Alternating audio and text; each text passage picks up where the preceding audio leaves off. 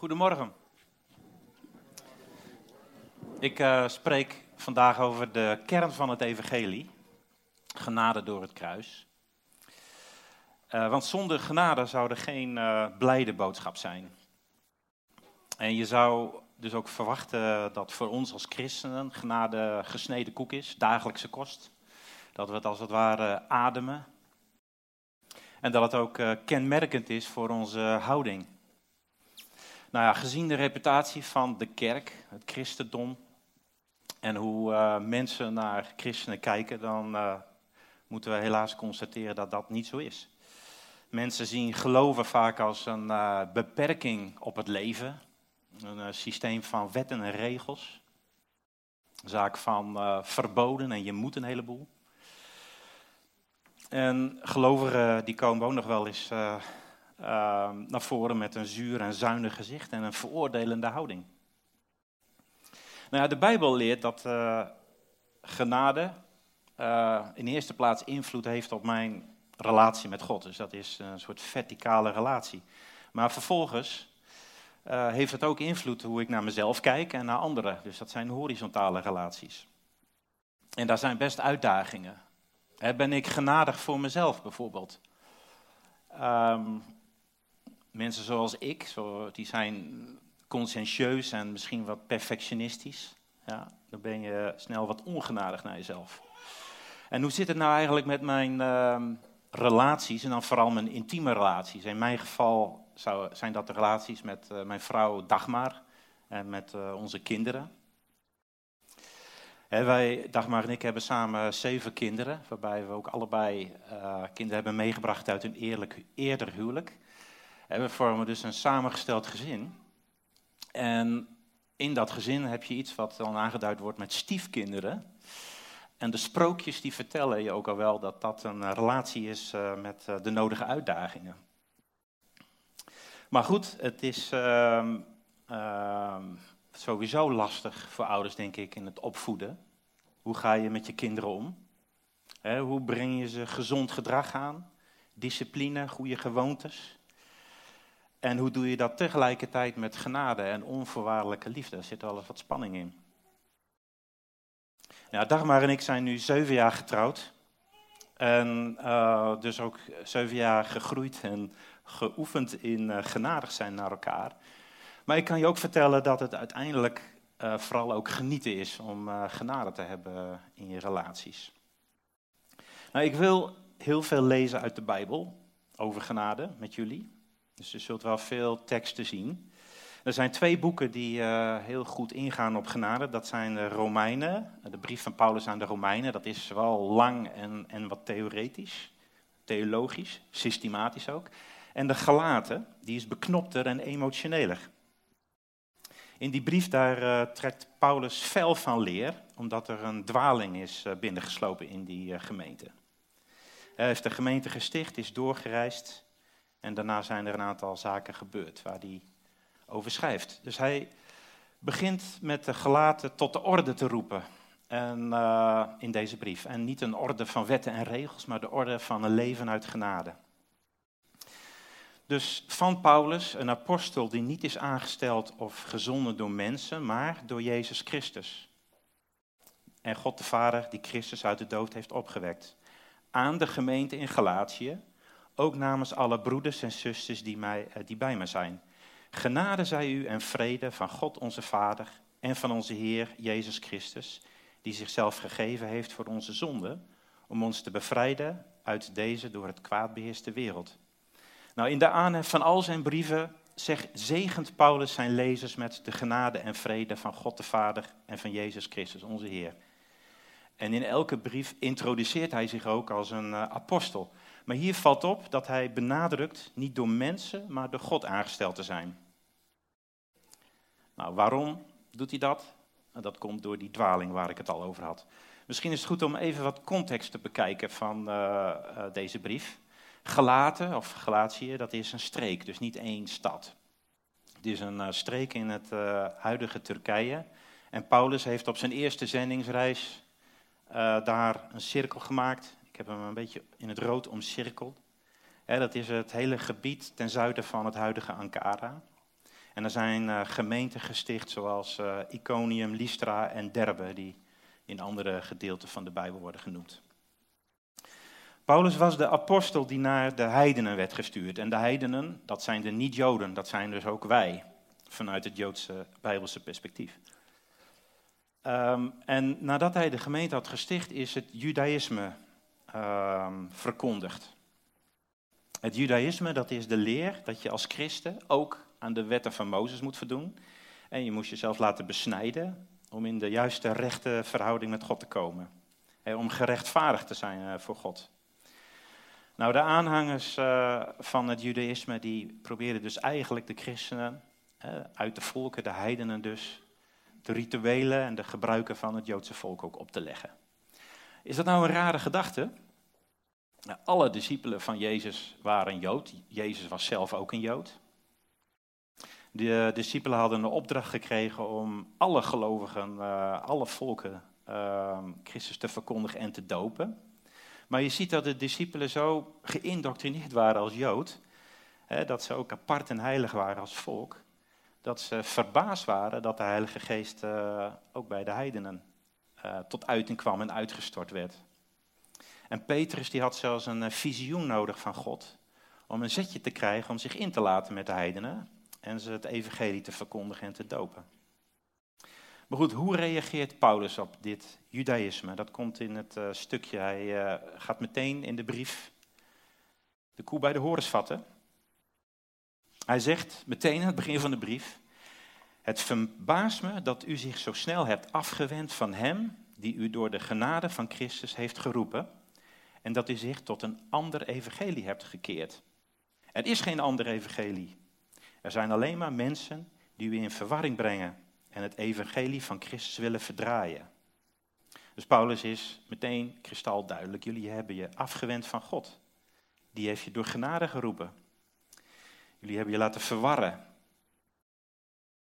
Verderop in hoofdstuk 3 uh, eh, zegt hij het nog scherper. Hebben jullie je verstand verloren? Wie heeft jullie in zijn ban gekregen? Dus Paulus is hartstikke fel, scherp en strijdvaardig. En dat is omdat er een uh, fout antwoord is gekomen op de cruciale vraag hoe wij als mensen ja, gerechtvaardigd kunnen worden tegenover God. Nou, Paulus gaat in vers 11 verder om uit te leggen dat hij het evangelie door openbaring heeft gekregen, dus rechtstreeks van God.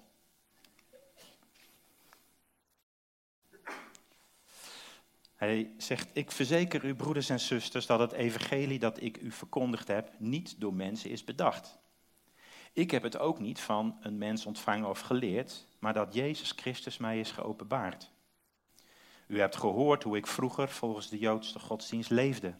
Dat ik de gemeente van God fanatiek vervolgde en haar probeerde uit te roeien. Ik leefde de Joodse wetten heel wat strikter na dan velen van mijn generatie en zette mij vol overgave in voor de tradities, tradities van ons na, uh, voorgeslacht. Maar toen besloot God, die mij al voor mijn geboorte had uitgekozen en die mij door zijn genade heeft geroepen, zijn zoon in mij te openbaren, opdat ik hem aan de heidenen zou verkondigen. Dus Paulus was een fariseer en de fariseeërs die vormden een religieuze groepering die Jezus heel vaak op de korrel heeft genomen, hè, omdat ze uiterlijk heel strikt waren, maar Jezus verweet ze dat ze van binnen verdorven waren. En behalve gewoon een strikte religieuze opleiding had Paulus zich ook fanatiek ingezet. Hij eh, was die nieuwe secte van christenen gaan bestrijden. En in Handelingen 9 lees je hoe hij op weg was om in Damascus de christenen te vervolgen. En dan confronteert Jezus hem. Hij zegt in een fel licht, waarom vervolg je mij? En dan valt het mij op dat hij niet zegt, waarom vervolg je mijn uh, volgelingen? Nee, Jezus die zegt, waarom vervolg je mij? Nou, Paulus is na die ontmoeting uh, enige tijd voorkomen van slag en ook blind. Maar tegelijkertijd gaat vanaf dat moment zijn geestelijke ogen open. En na gebed door Ananias krijgt hij ook zijn gezicht weer terug. Nou, ik werd bij het lezen van dit stukje getroffen door Jezus Christus is mij geopenbaard. Jezus Christus, dat is dus niet een principe of een filosofie, maar een persoon. En ik uh, was deze zomer uh, op de Nieuw Wijnconferentie.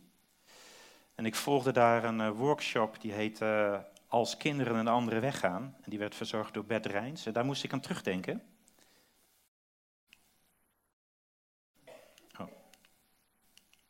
Oh gaat te snel allemaal. Deze. Bert Rijns die, uh, vertelde uh, dat geloofsopvoeding een aantal lagen kent. He, je hebt uh, het gedrag, wat doen we en hoe doen we het. Dit is cultureel bepaald.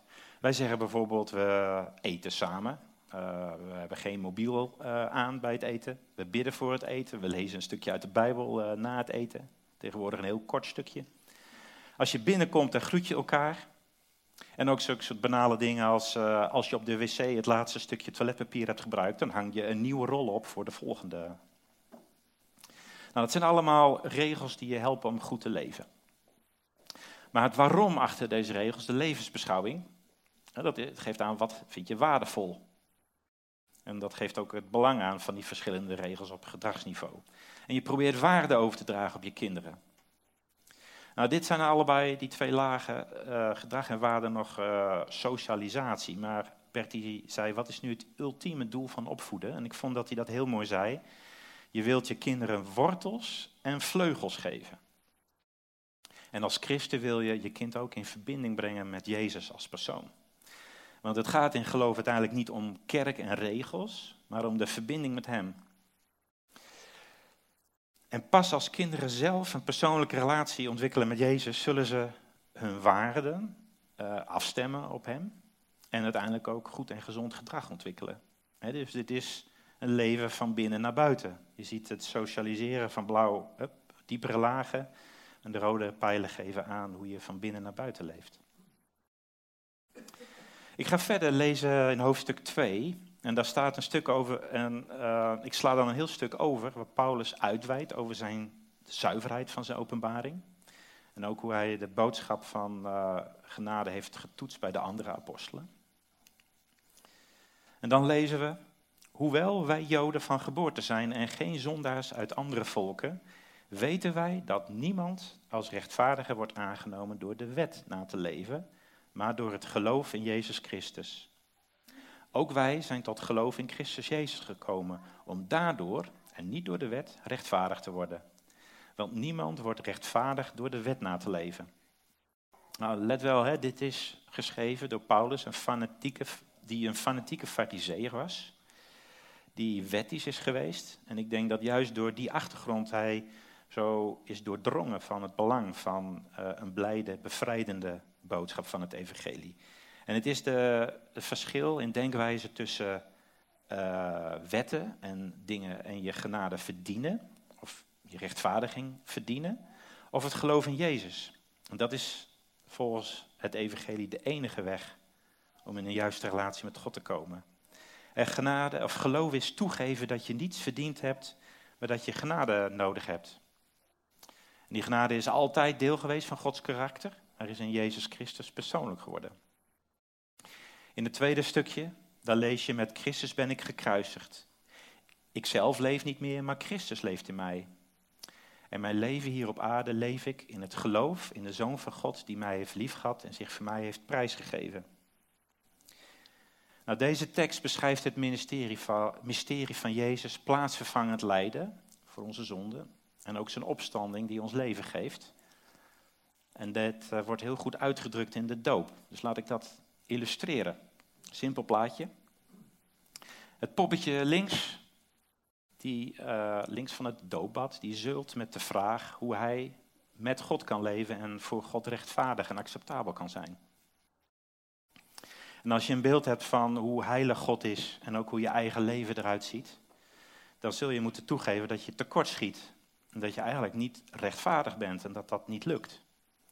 En je ziet ook twee uh, poppetjes die ik probeerde daarmee schaamte uit te drukken. Nou, God heeft uh, als oplossing niet een religie waarin we beter ons best moeten doen, maar waarin we uitgenodigd worden door Jezus Christus. Dat is het gele poppetje. Jezus nodigt ons uit om met Hem verbonden te zijn. En de waterdoop beeldt dat uit. Het water is uh, ook een teken van dood. En we gaan in de dood met Hem. En we laten daar ons oude leven zonder Christus achter ons. En ook onze pogingen om acceptabel te worden. Dat laten we achter in het doopwater. En we staan op met Jezus in zijn verbondenheid met Hem. En vanaf dat moment ben jij en Christus onafscheidelijk. Ik heb die twee poppetjes die je daar uh, ziet wat dichter bij elkaar willen hebben, of dat ze hun armen om elkaar heen slaan. Maar het is nog, hè, nog dieper. Jezus die zegt, de Heilige Geest komt in je wonen. Je kunt je daarna in alles uh, laten leiden door de Heilige Geest. Zijn leven in jou maakt dat je van binnenuit verandert. En dat je leven steeds meer op dat van Jezus gaat lijken. Let op, je zult nog steeds wel keuzes moeten maken. Maar het komt er niet meer aan hoe verstandig en slim en wijs jij bent, maar hoe goed je luistert. Je bent gewoon niet meer aan het verdienen, maar aan het volgen. En zo ben je als mens ook bedoeld. En op die manier kom je ook meer tot je recht en hoef je je niet meer te schamen. Dus dat is hier, uh, twee rechtvaardige poppetjes zijn daar getekend. Nou, genade kun je definiëren als je krijgt niet wat je verdient, maar je krijgt wat je niet verdient. Ik vind dat altijd uh, een intrigerende definitie, daar moet je even over nadenken. Je krijgt niet wat je verdient. Dat is de dood, hè, het gevolg van gescheiden zijn van God. En je kunt niet via je gedrag een plek bij eh, de Heilige God verdienen. Nee, je krijgt wat je niet verdient, namelijk een leven van Jezus in jou. Je wordt geheiligd door Jezus plaatsvervangend lijden en sterven. Nou, wij hebben het woord genade. De Engelsen hebben twee woorden. Je hebt mercy en grace. Mercy, even heel kort samengevat, is to pardon somebody or to mitigate, dat is verzachten, punishment. En je hebt grace, the quality of moving in a smooth, relaxed and attractive way. Dat is bevrijd leven, hè? vrij van druk van moeten verdienen. Relaxed door je verbondenheid met Jezus en de inwoning van de Heilige Geest. Laten we verder lezen. Gelaten, u hebt uw verstand verloren. Wie heeft u in zijn band gekregen? Ik heb u Jezus Christus toch, Jezus Christus toch openlijk en duidelijk als de gekruisigde bekendgemaakt. Ik wil maar één ding van u weten. Hebt u de geest ontvangen door de wet na te leven of door te luisteren en te geloven? Bent u werkelijk zo dwaas weer op uw eigen kracht te vertrouwen en niet langer op de geest? Is alles wat u hebt meegemaakt dan voor niets geweest? Dat kan toch niet? God geeft u de geest en de goddelijke krachten omdat u de wet naleeft? Of geeft hij ze omdat u naar hem luistert en op hem vertrouwt? Bent u werkelijk zo dwaas weer op eigen kracht te vertrouwen?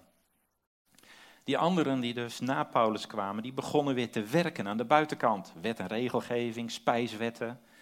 Ze beweerden zelfs dat besnijdenis noodzakelijk was. Besnijdenis, dat is het weghalen van de voorhuid bij de man, als teken dat je bij het volk hoorde. Maar realiseer je dat ook in het Oude Testament wordt al gesproken over een besnijdenis van het hart. Er wordt al duidelijk gemaakt dat er een innerlijke verandering nodig is. En dat kan alleen door de geest. Nou, misschien klinkt dat wat ver weg van ons als niet-Joden. Van spijswet hebben we niet zoveel last. En van besnijdenis nog minder. Um, maar de instelling om Gods gunst te verdienen zit volgens mij wel heel diep in ons. En in onze maatschappij is het ook zo dat als je werkt, dan verdien je loon. Je hebt er recht op. Maar in de Bijbel wordt die mentaliteit uh, weergegeven door een term, dat is het vlees. Hè? Dat is de tegenpol van het leven uit de geest. In hoofdstuk 3, eh, vanaf vers 26, wijst Paulus op nog een consequentie van eh, leven uit genade. Want door het geloof en in Christus Jezus bent u allen kinderen van God. U allen die door de doop één met Christus bent geworden, hebt u met Christus omkleed. Er zijn geen Joden of Grieken meer, slaven of vrije, mannen of vrouwen. U bent alle één in Christus Jezus. En omdat u Christus Jezus toebehoort, bent u nakomelingen van Abraham, erfgenamen volgens de belofte. Nou, in een christelijke gemeenschap, of dat nou Galatië is of Utrecht, uh, daar horen uiterlijke obstakels, uiterlijke kenmerken geen obstakel te zijn. want als je de genade van Christus als uitgangspunt neemt, dan zie je medegelovigen door als bekleed door Christus. En hoe zou je nou iemand kunnen afkeuren die door Christus is aanvaard? Ik bedacht een uh, eenvoudige visualisatie zoals je ziet. Gods genade voor mij, dat staat als een paal boven water. Dat is mijn houvast, dat is mijn eikpunt. Maar op het horizontale vlak zal ik die genade vertalen, of zal zijn geest die genade vertalen in genade voor mezelf en voor anderen. Dus de vraag is in hoeverre leef je vanuit het besef dat God jou genadig is? Leef je met de neiging om liefde en acceptatie te verdienen? wellicht heb je bepaalde talenten en ben je een verdienstelijk muzikant of je bent een begenadigd muzikant. Ben je een verdienstelijk sporter of ben je een begenadigd sporter? Het is wat flauw om het op die termen te gooien, dat is gewoon woordkeus.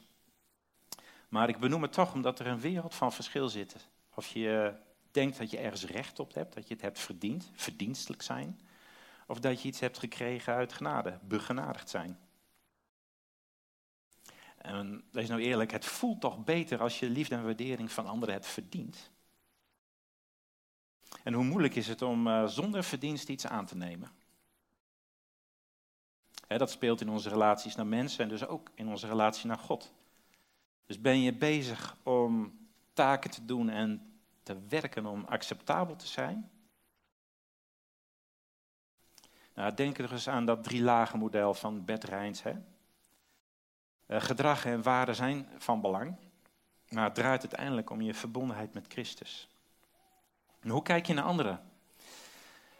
Ben jij iemand die naar anderen kijkt met ogen van genade? Of ben je geneigd om te veroordelen, kritiek te leveren?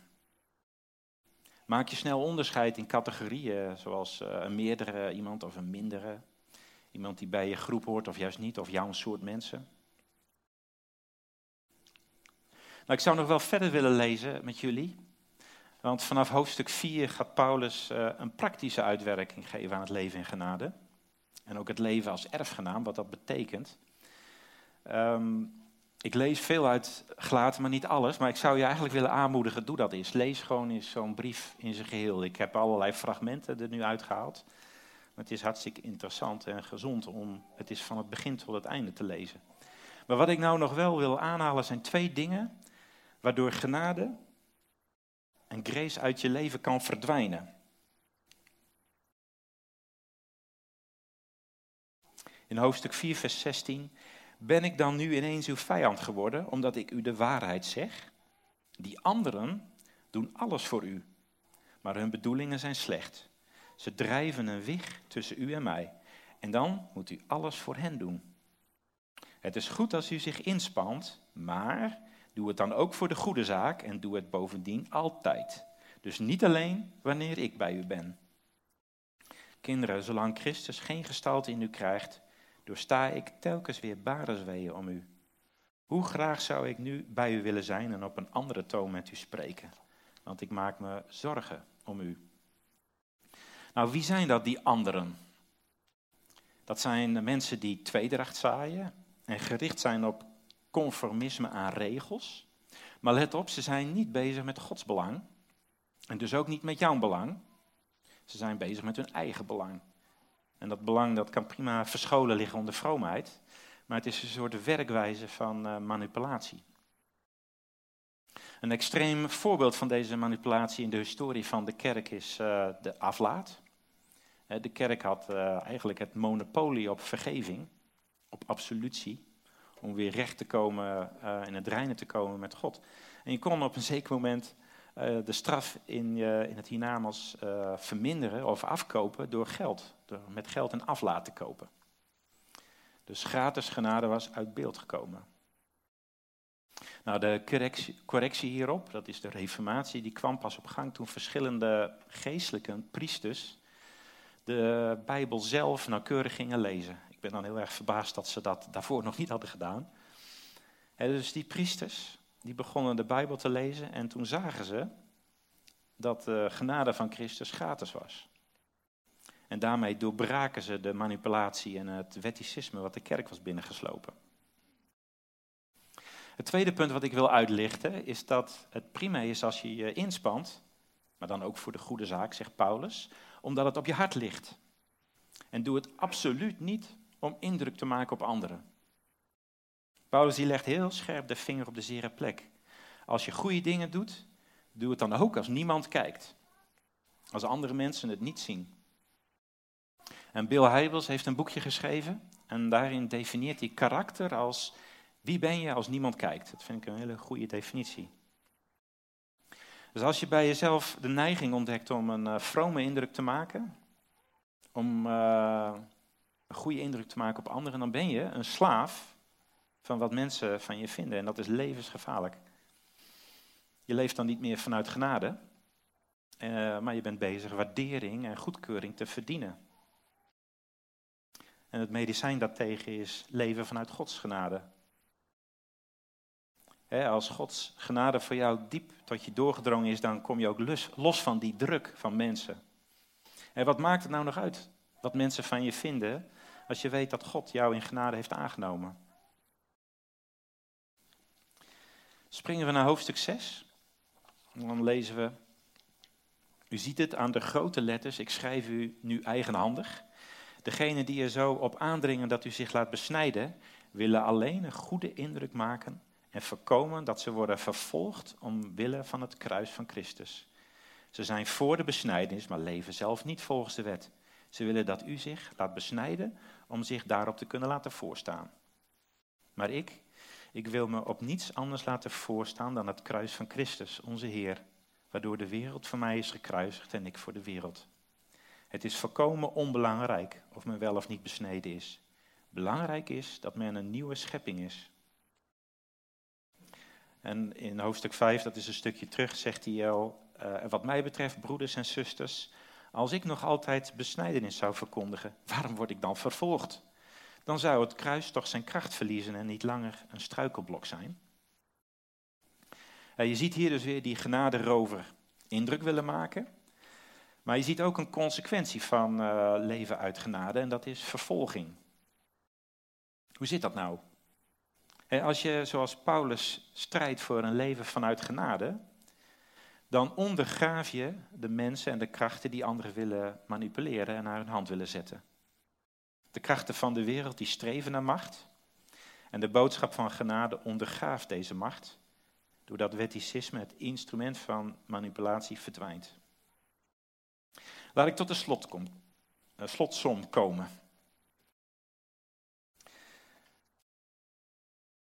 Wat betekent Gods genade voor mij en hoe werkt het uit in mijn leven, in mijn relatie? Eerst weer die verticale dimensie, het startpunt. Het eikpunt, dat is Gods genade voor mij. Ik krijg niet wat ik verdien. Dat zijn alle nare gevolgen van mijn natuurlijke aanleg om te zondigen. God veroordeelt mij niet. Ik word niet verstoten, want hij biedt mij mercy. En de oplossing, ik krijg wat ik niet verdien, grace. Jezus Christus laat mij delen in zijn overwinning over de dood en deelt zijn goddelijk leven met mij. Wat ik zelf niet kan, het goede doen, doet hij in mij door de Heilige Geest. En ik geniet van zijn leven in mij. Gerechtigheid, vreugde, vrede, relaxed leven. En er is nog een aspect aan deze paal, die staat onwrikbaar. Niet alleen als houvast, maar ook als struikelblok. Want als je denkt dat je toch op een of andere manier Gods gunst kunt verdienen, dan heb je het mis. Dat kan niet.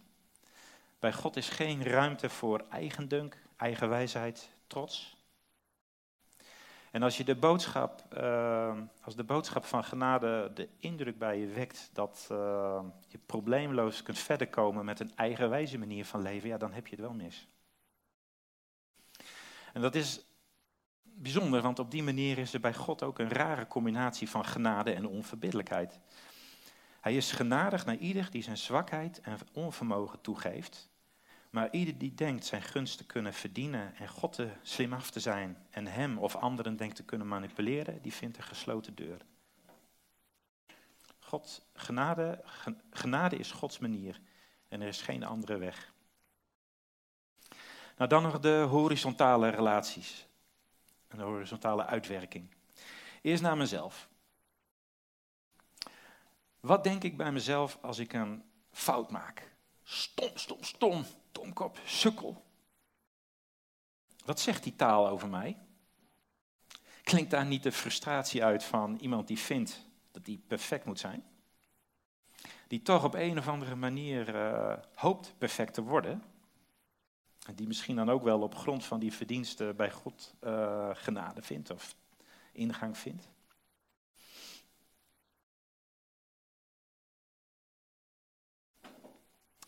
Dan nog de genade naar mensen om me heen. Ik zei al, Dagmar en ik zijn nu ruim zeven jaar getrouwd. Dat is een cruciaal getal. Want de meeste huwelijken die eh, stranden zo rond een zevende jaar. De eerste verliefdheid uh, heeft zijn werk gedaan. Je bent bij elkaar gekomen. Uh, maar na een roze wolk komen irritaties.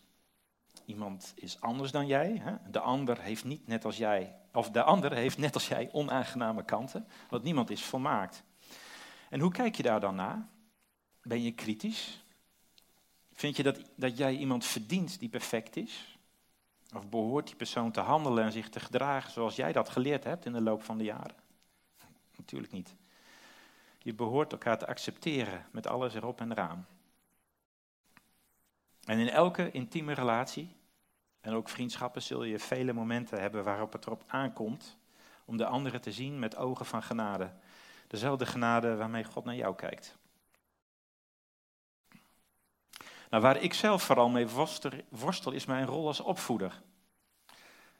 Dagmar en ik zijn dagelijks bezig met praktische zaken om uh, dingen in goede banen te leiden. Socialisatie, orde, netheid. We hebben tieners en die zijn allemaal bezig om hun eigen weg te vinden. En daar hoort nou eenmaal bij dat ze zich ook afzetten tegen onze normen en waarden. En ik vind dat gewoon moeilijk. Hoe vind ik de balans tussen genadig zijn en gedrag dat mijn ogen fout is, ook gewoon fout uh, te noemen en, en, en schadelijk. En niet uh, te verzanden in een eindeloze strijd van veroordeling, straf en weerstand. Maar ik moet ook kunnen confronteren en grenzen trekken. En daar onverbiddelijk in zijn. Dit gaat zo niet gebeuren. Dit is wat we gaan doen, punt uit. Maar hoe doe je dat? Ik heb helaas geen pas pasklaar antwoord. Ik heb geen haarlemmerolie, zoals ze dat zeggen. Ik weet wel dat Jezus een perfecte balans had. In uh, Johannes 1, vers 17 staat: De wet is door Mozes gekomen, of gegeven. De genade en de waarheid zijn door Jezus Christus gekomen. En in vers 14 staat dat hij de heerlijkheid weerspiegelde van de Vader, vol van genade en waarheid. Hij is genadig en dat opent de weg voor uh, mensen die hun zondigheid niet ontkennen. Maar hij legt ook de vinger op de zere plek. En tegen de fariseeën was hij soms onbarmhartig hard. Hè, want waarheid kan pijn doen. Maar het is wel uh, gezonde pijn.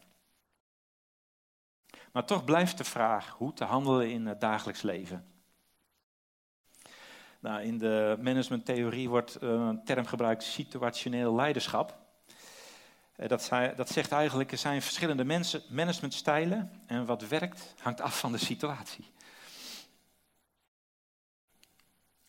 Uh, Harry Emerson zei, ik leef liever in een wereld waarin mijn leven door mysterie is omgeven, dan in een wereld die zo klein is dat mijn verstand haar kan bevatten.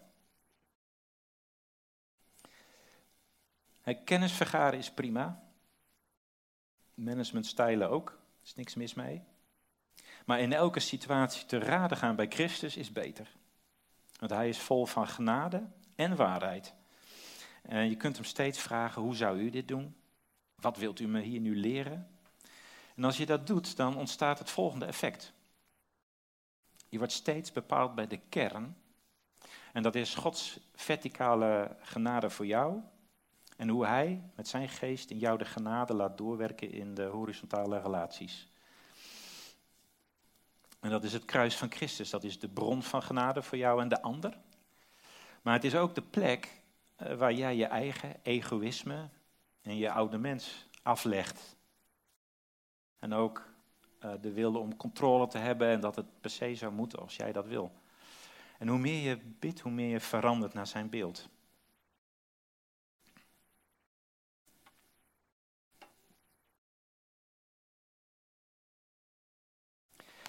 Wat ik hier uh, eigenlijk wil zeggen met dit laatste punt is dat als je bidt met Christus, dan verandert Hij uh, je blik, hij verandert je hart ook. En uh, de Engelsen hebben daar een mooie term voor, die heet paradigm shift. Het is de manier waarop je naar een situatie kijkt. Met welke bril kijk je? Voorbeeldje. Ik probeer onze kinderen sociaal gedrag bij te brengen. Dus ik zit een keer op de wc en ik merk dat mijn voorganger het laatste velletje toiletpapier heeft opgebruikt. Zonder een nieuwe rol op te hangen. Dat vind ik asociaal. Dus bij het eten hou ik een kort preekje, waarbij ik uitleg dat dit uh, asociaal is en dat het sociaal is om aan je opvolger te denken. Nou, iedereen ontkent natuurlijk dat uh, hij of zij dat gedaan heeft. Dus ik ga er vanaf dat moment op letten. En ik merk dat het uh, structureel niet gebeurt. En ook als ik de preek herhaal, en het begint me gewoon ongelooflijk te irriteren. Tot, zelfs tot het, tot het niveau dat ik plannen maak om die asociale persoon te betrappen. Dus als ik weet dat het toiletpapiertje bijna op is, dan uh, ga ik op de loer liggen en dan... Dus ik ben gewoon boos, gefrustreerd. En op dat moment realiseer ik me opeens van waar ben ik nou eigenlijk mee bezig? Waarom maak ik me zo druk? Ik heb het gezegd, maar het vertelde mij dat er een diepere frustratie in me zit. En die diepere frustratie is dat het allemaal niet zo loopt zoals ik zou willen. En het lukt me niet om via decreten, afkondigingen, preekjes ons huishouden te structureren. En ik, heb iemand, ik, ik ben iemand, ik heb toch de neiging om uh, ja, te dwingen, om te controleren. Dus ik heb gemerkt dat het voor mij een uitdaging is om dat dwarse gedrag van mijn kinderen door een genadige bril te bekijken. Een andere illustratie van een paradigm shift, en dan, dan sluit ik af, is uh, een voorbeeld wat Covey uh, geeft in zijn uh, boek wat hij heeft geschreven. En dan beschrijft hij een situatie waarin hij op een station zit te wachten op een trein. En dan komt er een man aan met allemaal kinderen en die zijn hartstikke lawaaierig en vervelend. Nou, Kofi die, die irriteert zich daaraan en die denkt, ik ga die man confronteren met het feit dat die kinderen zich zo on, onaangenaam gedragen. Op zich niks mis mee. Dus hij spreekt die man aan. En die man die kijkt hem toch even wat uh, verbaasd aan, uh, verdwaasd ook. En dan zegt hij, ja, sorry. En dan geeft hij ook een verklaring hoe het komt. Hij zegt, die kinderen die hebben net in het ziekenhuis gehoord dat hun moeder dodelijk ziek is en niet lang meer heeft te leven. En op dat moment verandert Kovi's hele blik. dus van kritiek gaat hij naar empathie. En paradigm shift. En dat soort veranderingen in je, die eh, vinden plaats bij het kruis. Dat is de plaats waar Gods genade beschikbaar komt voor ons allemaal. En het is ook de plaats waar jij je oude werk, eh, de denkwijze, ehm, je verdienstelijkheid achter je laat en Christus zijn werk laat doen in jou. Amen. Laten we met jullie bidden. Uh, ik, vader, ik dank u wel dat uh, uw genade openbaar is geworden in Jezus Christus. En dank u wel voor uh, zijn plaatsvervangend lijden en offeren voor ons. En vader, ik dank u ook dat u van ons vraagt om onze neiging om hard te werken en ons best te doen en ons verdienstelijk te maken dat we dat kunnen afleggen. Omdat de basis genade is. U neemt ons aan. We willen eigenlijk elke dag opnieuw uh, uw uitgestoken hand van genade aannemen. En Christus, Heer, uh, ja, werk in ons, want we hebben u nodig. We hebben het nodig dat u in ons leeft, ons leven leidt, ons echt leven geeft. Dat uw genade zo in ons doordringt dat uh, ja, dagelijkse kost is. Dat het uh, iets is wat we ademen, dat we dat uitstralen naar mensen. Dat het een uh, natuurlijke reactie is om genadig te reageren op andere mensen, maar ook naar onszelf.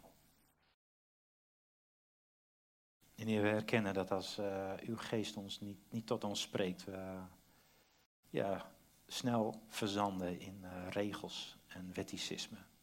En uh, oordeel en ook uh, Dat we toegeven aan ons verlangen om indruk te willen maken op mensen.